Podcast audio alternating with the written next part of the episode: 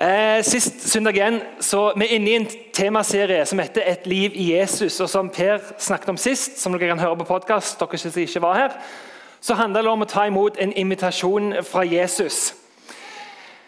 Og følge han, som Per snakket om. I dag skal vi høre en bibeltekst hvor Jesus også snakker om dette med invitasjonen, om å komme og være sammen med han. Men da på en positiv måte. Hva konsekvenser og effekt det får ved å ta imot denne invitasjonen. Jesus, I den samtida som Jesus levde for over 2000 år siden, som nå nettopp har feira jul over at Jesus kom til jorda, så er det et uh, frukttre, et vintre, som var veldig vanlig i den uh, kulturen. Og Jesus han pleide ofte å bruke bilder eksempler fra hverdagen når han skulle prøve å få fram et viktig poeng.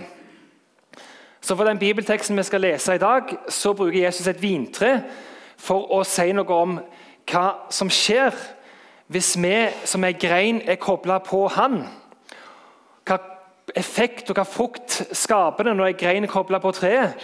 Og hva er det som skjer hvis en ikke er kobla på treet, hvor da, eh, greina da vil dø? Så Kristian og Anne Grete skal da ta oss lese dagens bibeltekst for oss, som er henta fra evangeliet Johannes, kapittel 15, vers 1-17. Så kommer også teksten opp eh, på lerretet her mens de leser bibelteksten. Jeg er det sanne vintre, og min far er vinbonden. Hver grein på meg som ikke bærer frukt, tar han bort, og hver grein som bærer frukt, renser han, så den skal bære mer. Dere er alt rene på grunn av det ordet jeg har talt til dere. Bli i meg, så blir jeg i dere. Slik som greinen ikke kan bære frukt av seg selv, men bare hvis den blir på vintreet, slik kan heller ikke dere bære frukt hvis dere ikke blir i meg. Jeg er vintreet, dere er greinene. Den som blir i meg og jeg i ham, bærer mye frukt. For uten meg kan dere ingenting gjøre. Den som ikke blir i meg, blir kastet utenfor som en grein og visner og greinene blir samlet sammen og kastet på ilden, og de brenner. Hvis dere blir i meg, og mine ord blir i dere, be da om hva dere vil, og dere skal få det. For ved dette blir min far æret, at dere bærer mye frukt og blir mine disipler. Som far har elsket meg, har jeg elsket dere. Bli i min kjærlighet. Hvis dere holder mine bud, blir dere i min kjærlighet, slik jeg har holdt min fars bud og blir i hans kjærlighet. Dette har jeg sagt dere, for at min glede kan være i dere, og deres glede kan bli fullkommen. Og dette er mitt bud. Dere skal elske hverandre som jeg har elsket dere. Ingen andre har større kjærlighet enn den som gir livet for vennene sine. Dere er mine venner hvis dere gjør det jeg befaler dere. Jeg kaller dere ikke lenger tjenere, for tjenere vet ikke hva Herren hans gjør. Jeg kaller dere venner, for jeg har gjort kjent for dere alt jeg har hørt av min far. Dere har ikke utvalgt meg, men jeg har utvalgt dere og satt dere til å gå ut og bære frukt. En frukt som varer. Da skal Far gi dere alt dere ber om i mitt navn. Dette er mitt bud til dere. Elsk hverandre. Takk, Anne Grete. La oss eh, be sammen. Kjære gode Gud, takk for dette som er ditt ord. Hjelp oss å ta imot det og åpne det for oss. Amen. Så I denne teksten så får du høre konsekvensen av å ta imot invitasjonen fra Jesus og bli i Han. Og at det skaper noe i det livet, i den fellesskapet som en er i. Vi har jo i dag feira dåp. Og dåp er jo en synlig, fysisk og konkret handling hvor en får ta imot invitasjonen fra Jesus om å dele livet med Han. Det er ikke bare i dåp at det skjer, men dåp er en av de mest sentrale stedene og midlene Gud bruker for å invitere oss inn til Han. Og Dåp er jo ikke bare en sånn tilbakelagt hendelse en gang i livet.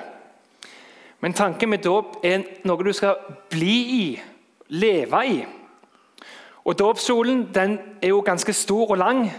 Og Det er for å uttrykke at det en blir døpt inn i, det er et liv hvor du kan leve og vokse, som vi sa i dåpsliturgien.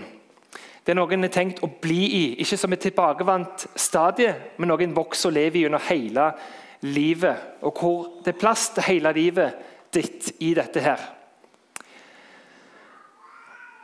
Bli i ham, som Jesus sier. Og Fra den bibelteksten vi har lest, så er det jo at vi fikk høre om dette vintreet. Og når greina er kobla på treet, og når det er sunt å få den næringen en trenger, så kan det vokse fram god frukt på denne greina. Men hvis greina brekker av, så får en ikke næringa.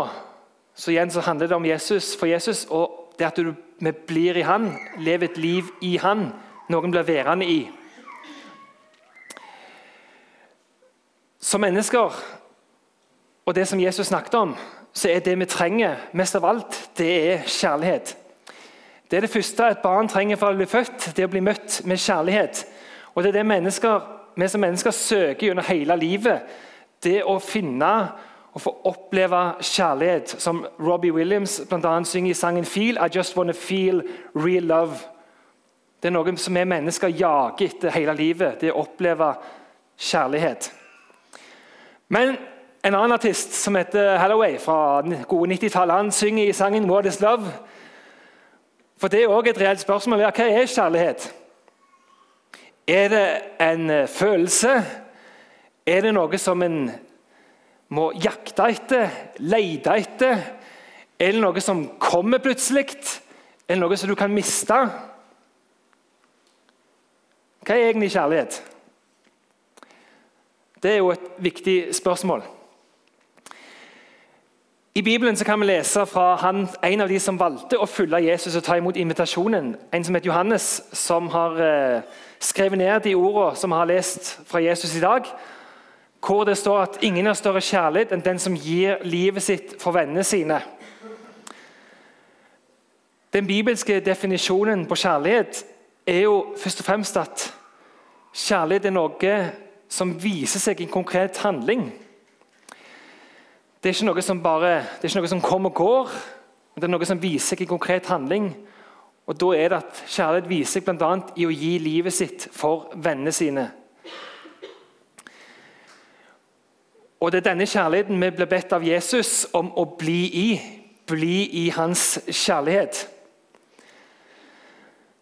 Som kristne så tror vi på en Gud, en Gud, men som viser seg for oss som tre personer. Som Gud far, Guds sønn og Guds hellige ånd. Og Det har vi jo sagt også i dåpen, og det er derfor vi heller vannet tre ganger over hodet på den som ble døpt, for at den ble døpt til Faderens og Sønnens og Den hellige ånds navn. Gud sjøl er jo usynlig. Men det er jo på en måte kjærligheten òg. Du kan ikke se kjærlighet direkte. Betyr det da at kjærlighet ikke fins? For En tenker jo veldig ofte mange at det som du ikke kan se fysisk, det kan jo ikke eksistere. Men jeg tror det er veldig få av oss som vil se at kjærlighet ikke fins. For om vi ikke kan se kjærlighet, så kan vi kjenne effekten av det. Det er når en blir gjerne forelska, og så blir eh, ja, iallfall noen gutter blir helt ville og ja, gjør det ene eller andre for å vise at de er glad i den andre personen. For å demonstrere det. Og Gud, selv om vi ikke kan se han direkte, så kan vi se effekten av at Gud er her. Og Fra Bibelen så står det at Gud han er kjærlighet. Og, for, og Det er derfor at og det betyr også at kjærligheten er evig. Du kan ikke elske hvis du er alene. Gud er én, men han er samtidig tre. Så I den foreningen i Gud så er det en evig kjærlighet. Kjærligheten er evig, sånn som Gud. Og det er den kjærligheten vi får bli invitert inn i, til å bli del av, til å få inn i livene våre. En evig kjærlighet.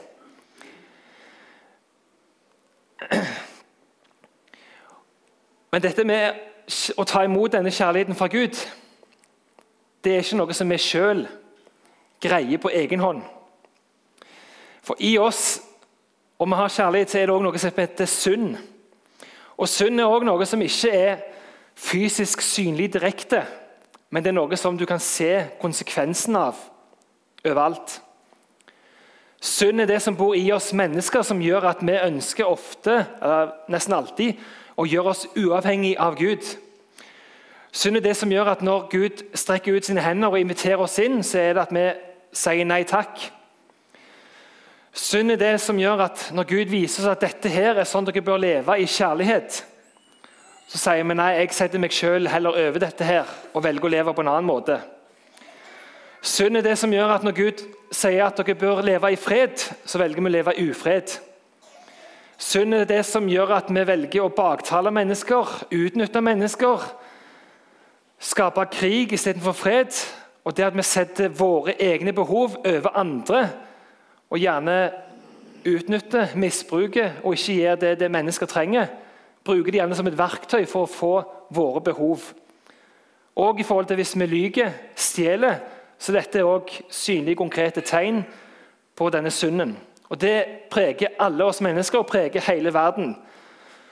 Synd er forklaringen til hvorfor det ennå ikke er fred i verden, selv om vi har jo lært hva fred er, og hvordan en bør leve i fred. Vi har kunnskap, vi har så mye kunnskap, men allikevel så lever vi ikke i fred.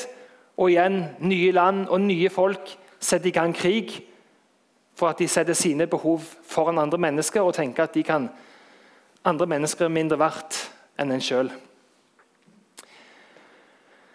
Så Synd gjør også at vi som mennesker ikke kan selv ta imot det som Gud vil gi oss, hans kjærlighet. Derfor er det så utrolig fint det som Johannes skriver i Bibelen, at dette er kjærligheten. Ikke at vi har elsket Gud, men at han har elsket oss og sendt sin sønn til soning for våre synder. Kjærligheten som Gud vil gi oss, blir ikke gitt oss fordi vi gjør oss først fortjent til det.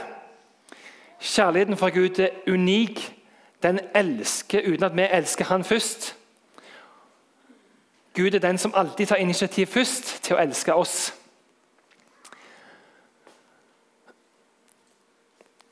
Og Det som Jesus blant annet har gjort for oss, det er at den synden som bor i oss, som ødelegger forholdet vårt til Gud og gjør at vi gjør disse handlingene som ikke er gode, som også ifølge Bibelen sier er brudd på lov Når vi ikke elsker, så bryter vi Guds lov. Og sånn som det er i samfunnet, Hvis du bryter en lov, så må en gjøre opp en type bot. Og Hos Gud så er det ikke sånn at det er antallet ting en har gjort. Hvis en har brutt en av disse tingene, hvor en ikke har elska fullkomment, så har en brutt ett og alle loven. Og Da må du gjøre, oss, gjøre opp en type betaling for denne boten. Og I Guds kjærlighet så er det at Gud vet at vi kan ikke selv betale for dette. her. For vi greier ikke å leve fullkomment alene i hans kjærlighet. Men derfor i hans kjærlighet så er det vi feirer jul, at Jesus kom ned til vår jord. For kjærlighet det er at en setter vennene sine foran en annen. Og Jesus i jula ga avkall på alt det gode han hadde i himmelen, for å komme ned til vår jord som et sårbart, lite baby. Og så er det i langfredag at vi markerer at Jesus betaler alt det som vi måtte betalt. Det tar Jesus og betaler med sitt liv. Så Vi skal vise en liten video som kan illustrere noe av det som dette handler om. Once were two little boys who were best friends. They played together, went to school together, they even went to university together. They were inseparable. Until their careers took them in very different directions. One became a lawyer, the other a criminal. As one was promoted to a judge, the other disappeared deeper and deeper into a life of crime. Eventually, the criminal was caught and sent to trial. On the fateful day in the courtroom, he came face to face with his old best friend, the judge. And so, the judge had a dilemma. He loved his friend, but he had to do justice. And so, he fined him the appropriate penalty for the offence. It was a huge fine. There was no way he could ever afford to pay what he owed. But then, the judge took off his robes, went down, stood with his friend, and wrote out a check covering the cost. He paid the penalty himself. Når en eh, har overtrådt en lov, så må en bot gjøres opp. Ellers ville ikke som, eh, det landet det var i, være rettferdig, et rettferdig land eller et rettferdig sted. Og Sånn er Gud, selv om Gud elsker oss. Når vi går over overtreder en av hans eh, loven om å elske hverandre, som han, elsker oss, så må det gjøres opp. Og det er det Jesus sjøl gjør for oss. Derfor skriver også en av altså, skriver Jesus' disipler at dette med kjærlighet er det Jesus har vist oss hva er for noe. Det er at Jesus har gitt livet sitt for oss. Derfor skriver Johannes i 1. Johannes 3, 16 at hva kjærlighet er, har vi lært av at Jesus ga sitt liv for oss. Kjærlighet er ikke noe som kommer automatisk av seg sjøl. Det er noe som må læres. Og eh, På dåpssamtalen ba jeg de som var til stede om å velge et eh, bilde som skulle illustrere sånn type verdier som en ønsket å lære videre til sine barn. Og Der valgte du Therese, et bilde som illustrerte for deg empati. Hvor du sa at noe som du ønsket å lære Levi og Ella, det er empati. Det er noe vi må læres opp i. Kjærligheten er noe vi må læres opp i. Det er jo den hovedoppgaven dere også har som foreldre. Det er å elske deres barn og lære dem hva kjærlighet er. For Hvis en som et lite barn ikke får kjærlighet, så vet en ikke hva kjærlighet er for noe, og greier ikke selv å elske. Og Gud ønsker å lære oss å elske som han elsker oss. Men det er noe vi må læres opp i. Og igjen, Vi tror på en treenig Gud, Gud Far, Guds Sønn og Den hellige ånd. Og det som skjer når du tar imot invitasjonen fra Jesus, da er det at noe av Gud sjøl tar bolig i deg. Han som heter Den hellige ånd, tar bolig i oss, og han hovedoppgave er å lære oss å elske. Lære oss hvem Jesus er. For når vi ser på Jesus, så ser vi hva sann kjærlighet er for noe. Og Det er noe vi må lære oss opp i. Og Derfor skriver også Johannes at vi elsker fordi han elsker oss først. Når vi elsker Gud, så er det et, en respons fra oss til Han som elsker oss først. Gud er alltid den som elsker oss først, og vi får respondere tilbake.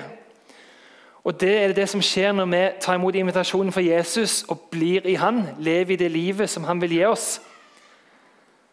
Så skaper det en effekt, akkurat som når denne greina var kobla på vintreet, som gjør at det skapes kjærlighet. Samtidig så vil det alltid være at denne synden den forsvinner ikke vekk fra oss mennesker fordi vi tror på Jesus. Det gjør at det, Kristne er jo ikke bedre enn andre mennesker, men vi har allikevel blitt møtt med en spesiell og annen kjærlighet enn de som ikke har tatt imot dette. her, Og har sånn sett derfor også et spesielt ansvar et spesielt ansvar i forhold til hvordan vi lever livene våre når vi er blitt møtt med en sånn kjærlighet. Men kjærligheten fra Gud, som vi blir bedt om å leve i, det er alltid en respons på at Gud elsker oss først. Jeg har jo her en eh, mobiltelefon. Og eh, Denne mobilen her trenger jo veldig ofte eh, noe for at den skal fungere. Er det noen av dere som vil gjette hva det er? Strøm, ja.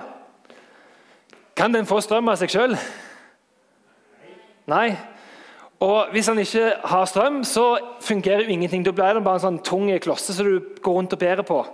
Da funker den ikke. Så er det jo alltid et uh, stadig jag etter å finne strøm. At du må ha strøm med deg. For Hvis ikke så funker den ikke. Du må ha en strøm, enten at du kobler den til strømnettet, eller har en sånn en, eh, adapter med deg som det er strøm på. Men hvis du ikke har kontinuerlig fyller på denne mobilen med strøm, så vil den ikke fungere til det den er lagd til å gjøre. Da vil den bare ligge der, tungt å ligge der. Og Sånn er det også i forhold til dette med å bli i Guds kjærlighet. For å elske sånn som Gud, så trenger vi å være og leve i Han hele tida. Hvis vi bare møtte Jesus på et tidspunkt i livet og så levde uten han, så, går det tom. Vi må ha stadig påfyll som kristne for å leve i det livet Gud har skapt oss til å leve i, i hans kjærlighet.